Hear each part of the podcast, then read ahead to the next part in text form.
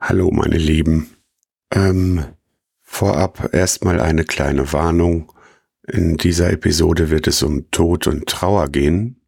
Ähm, wer das nicht hören möchte, wer das nicht kann, der sollte bitte abschalten und sich die nächste Scherbe anhören. Ähm, aus diesem Grund gibt es äh, in dieser Folge auch kein Intro und kein Outro, weil ich das für unpassend halte.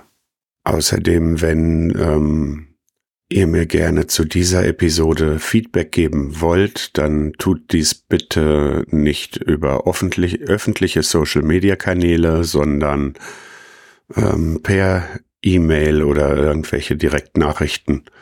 Ähm, es geht hier nicht darum, mit äh, Herzschmerz irgendwie Klicks oder Hörer zu generieren.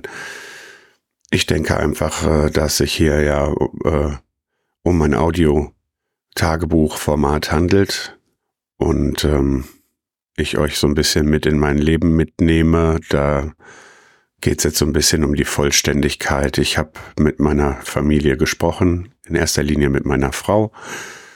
Der erste Impuls diese Woche war, äh, Scherbe auszulassen, weil ich es einfach für unpassend halten würde, in einer normalen Scherbe einfach äh, Friede, Freude, Eierkuchen zu machen, wenn das bei uns aktuell halt nicht die Situation ist. Wie ihr in den vergangenen äh, Episoden ja mitbekommen habt, lag mein Schwiegervater schon seit geraumer Zeit im Pflegeheim. Äh, Im letzten November ging das los, dass er notfallmäßig eingeliefert worden ist da will ich jetzt auch gar nicht zu sehr ins Detail gehen. Auf jeden Fall, er hatte sehr viele Sachen, verschiedenste OPs, hat von Pflegeheim und Krankenhaus immer hin und her gewechselt, ähm, bis dann im Februar ein schwerer Schlaganfall hinzugekommen ist. Und äh, aufgrund seiner vorherigen OPs und so weiter konnte dieser nicht richtig behandelt werden, äh, da sie ihm keine Blutverdünner geben konnten, äh, aufgrund der OP Narben und so weiter äh, bestand die Gefahr, dass er dann verblutet. Also musste der Schlaganfall seinen Lauf nehmen und hat halt äh, eine Menge zerstört, so dass ja der Schwiegervater anschließend auf jeden Fall definitiv ein Pflegefall war äh, und klar war, dass das auch für den Rest seines Lebens sein wird. Was ihm nicht so klar war, gnädigerweise, auf jeden Fall hat die Ärztin damals gesagt, dass sie ihn nicht entlassen, weil er geheilt wäre, sondern weil sie nichts mehr für ihn tun können. Ja, das war im Februar und äh, seitdem hat er gelegen und äh, konnte auch nicht aufgesetzt werden. Immer wenn man versucht hat, ihn aufzusetzen, wurde er bewusstlos. Ja, sah also übel aus. Sie haben damals schon gesagt, dass eine Kleinigkeit reichen würde. Ja, aber wie das dann immer so ist, äh, der hat in seinem Leben schon so einiges weggesteckt und äh, es sah bis zuletzt jetzt so aus, als würde er das auch wegstecken. Natürlich nicht in Form von Wunderheilung, aber ähm, ja, also er konnte direkt nach dem Schlaganfall auch nicht schlucken. Aber es war jetzt dann halt so, dass er jetzt schon regelmäßig am Tag mal einen Wackelpudding essen konnte. Er war guter Dinge, er war guter Laune die letzten vier Wochen. Äh, ja, und dann, äh, obwohl man ja eigentlich weiß, irgendeine Kleinigkeit und es kann jederzeit und überhaupt, äh, kam dann äh, sein Tod sehr plötzlich für uns. Also wenn ich nachts schlafe, schlafe ich normalerweise fest und auch wenn dann irgendwas mit meinem Sohn ist und der laut ist und was weiß ich, irgendwie keine Ahnung, dann wird immer meine Frau wach. Ähm, in der Nacht von Montag auf Dienstag allerdings äh, weiß ich nicht, ob ich unterbewusst einfach gespürt habe, dass äh, da irgendwas nicht ist. Meine Frau war am Reden und ich war sofort wach und habe gefragt, was los ist. Da war das Pflegeheim an der Leitung und hat ähm, ihr mitgeteilt, dass ihr Vater in der Nacht verstorben ist. Ähm, ja, etwas vorgegriffen. Also man kann sagen, was die anderen schweren Erkrankungen vorher nicht geschafft haben, hat jetzt ein, vermutlich eine Blasenentzündung geschafft. Ja, das Herz hat versagt und eine Lungenembolie war noch äh, im Verdacht. Dann bin ich erstmal sofort mit aufgestanden und äh, dann hat äh, meine Frau ihre Mutter, also meine Schwiegermutter, angerufen und dann sind sie noch nachts dahin gefahren, nochmal einmal zu ihm gefahren und ähm, ja, dann hat Schwiegermutter die Nacht auch bei uns verbracht, damit sie da nicht alleine ist. Ja, am Morgen mussten wir das Ganze dann natürlich auch äh, meinem Sohn mitteilen, was natürlich für ihn auch ein harter Schlag war. Und ja, er durfte dann auch, was heißt er durfte, also wir haben ihn dann auf jeden Fall nicht in die Schule geschickt. Zwei Tage, weil äh, ja, das wäre es nicht gewesen. Er hätte sich da eh nicht konzentrieren können. Ja, man kann noch so äh, vorbereitet sein, wenn es dann irgendwann passiert ist, ist man trotzdem äh, auf jeden Fall äh, völlig überrascht. Ich bin den Tag auf jeden Fall dann auch äh, zu Hause geblieben, also habe mir einen Tag freigenommen, um meiner Frau ein bisschen auch so äh, ein paar Sachen abzunehmen, da sie ja die schwere Aufgabe hatte, Angehörige anzurufen und sich um diese ganzen Sachen zu kümmern, dass ich im Zweifel dann halt auch für den Sohn da sein kann und so. Und äh, ja, habe ich mir dann, wie gesagt, dann den Dienstag freigenommen. Ja, dann äh, nach dem Termin mit dem Bestatter stellte sich dann heraus, dass fürs Wochenende ähm, keine äh, Bestattungen mehr möglich sind, weil da schon welche waren und äh, so ist der Beisetzungstermin jetzt morgen am Montag um 14 Uhr, was jetzt natürlich auch, äh, ja, was natürlich dann auch auf der einen Seite hat man mehr Gelegenheiten, sich zu verabschieden, also ist auch aufgebahrt und wenn man möchte, können wir da jederzeit hin, ähm, was meine Frau auch genutzt und also nutzt und genutzt hat.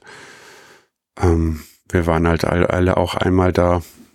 Ähm, ja, ähm, es ist halt auf jeden Fall dadurch, dass da jetzt noch dieses Wochenende zwischen ist, äh, dieses Warten auf die Beerdigung ist dadurch ja jetzt einfach auch nochmal irgendwie zwei Tage länger und äh, ja, die Beerdigung ist ja schon so was wie ein, ein Abschluss auch, weil das ja auch nochmal ein, ein schwerer Gang ist. Äh, ja, dafür habe ich mir auf jeden Fall auch freigenommen.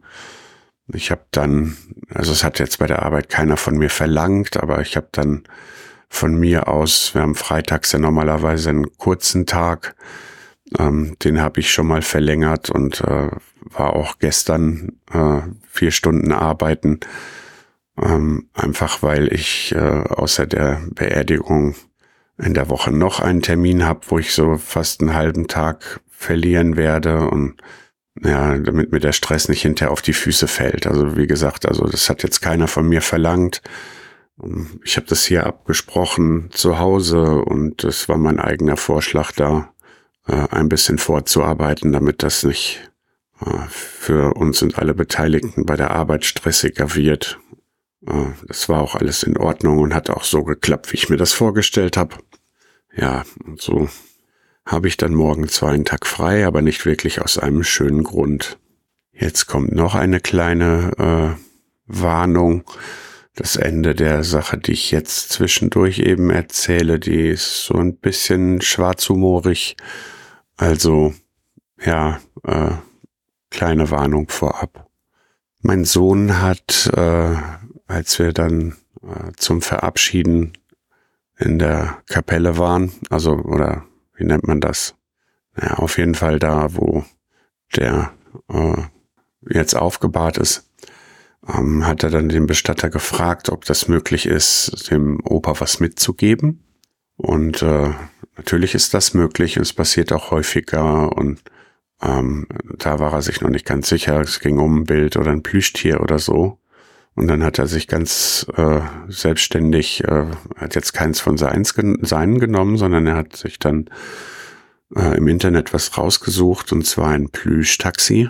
Ähm, das wird auch den Sendungstitel geben. Ähm, zur Erklärung, mein Schwiegervater ist äh, nebenberuflich und leidenschaftlich Taxi gefahren, solange er das noch konnte. Und ähm, als er das nicht mehr konnte, hat er noch eine Zeit den Funk übernommen also das Thema Taxi äh, war nicht nur ein Nebenjob, das war ein Hobby, das war eine Leidenschaft von ihm. Und äh, so hat äh, mein Sohn dann ein Plüschtaxi äh, gefunden und hat ihm das bestellt. Also wir haben es für ihn bestellt, ähm, was er dem Opa gerne mitgeben will. Und dann haben wir halt gedacht und gefragt, dann bestellen wir noch eins. Ähm, das ist exakt das gleiche, dann kann er eins davon als äh, ja, Erinnerung bewahren. So, stellt sich raus, dann wurde das Ding geliefert und äh, lag dann in der Küche und ich nehme es in die Hand und drück ein bisschen drauf und es fängt an zu quietschen. Wenn wir uns jetzt vorstellen, der Schwiegervater war etwas korpulenter und äh, ja, jetzt bekommt er dieses quietschende Taxi mit in den Sarg. Äh, natürlich wird da nichts passieren, aber ähm, ja, also wir hoffen, das Ding ist schalldicht und äh, der Sarg und es äh, rutscht nicht so, dass im falschen Moment irgendwie ein Quieken aus dem Sarg kommt.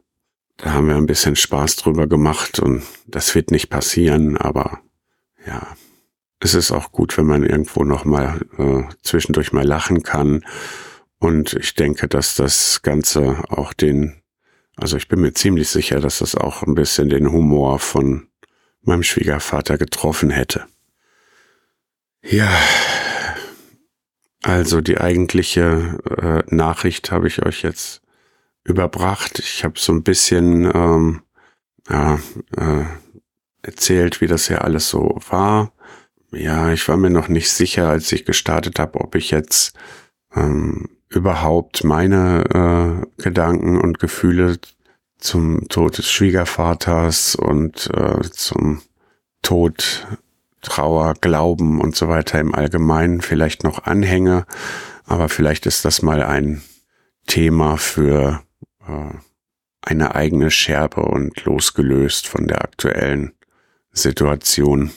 Nur so viel, ähm, wenn die anderen recht haben sollten, ich glaube ja nicht an ein Leben nach dem Tod, den Himmel oder dergleichen.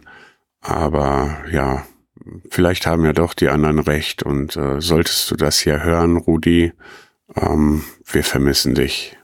Ich wüsste jetzt nicht, was ich noch zu dieser Woche erzählen soll. Also es sind auch noch ähm, Sachen im Bereich Podcasting über und überhaupt passiert, was ich kurz erwähnen kann. Ich benutze hier jetzt gerade schon den neuen Rechner.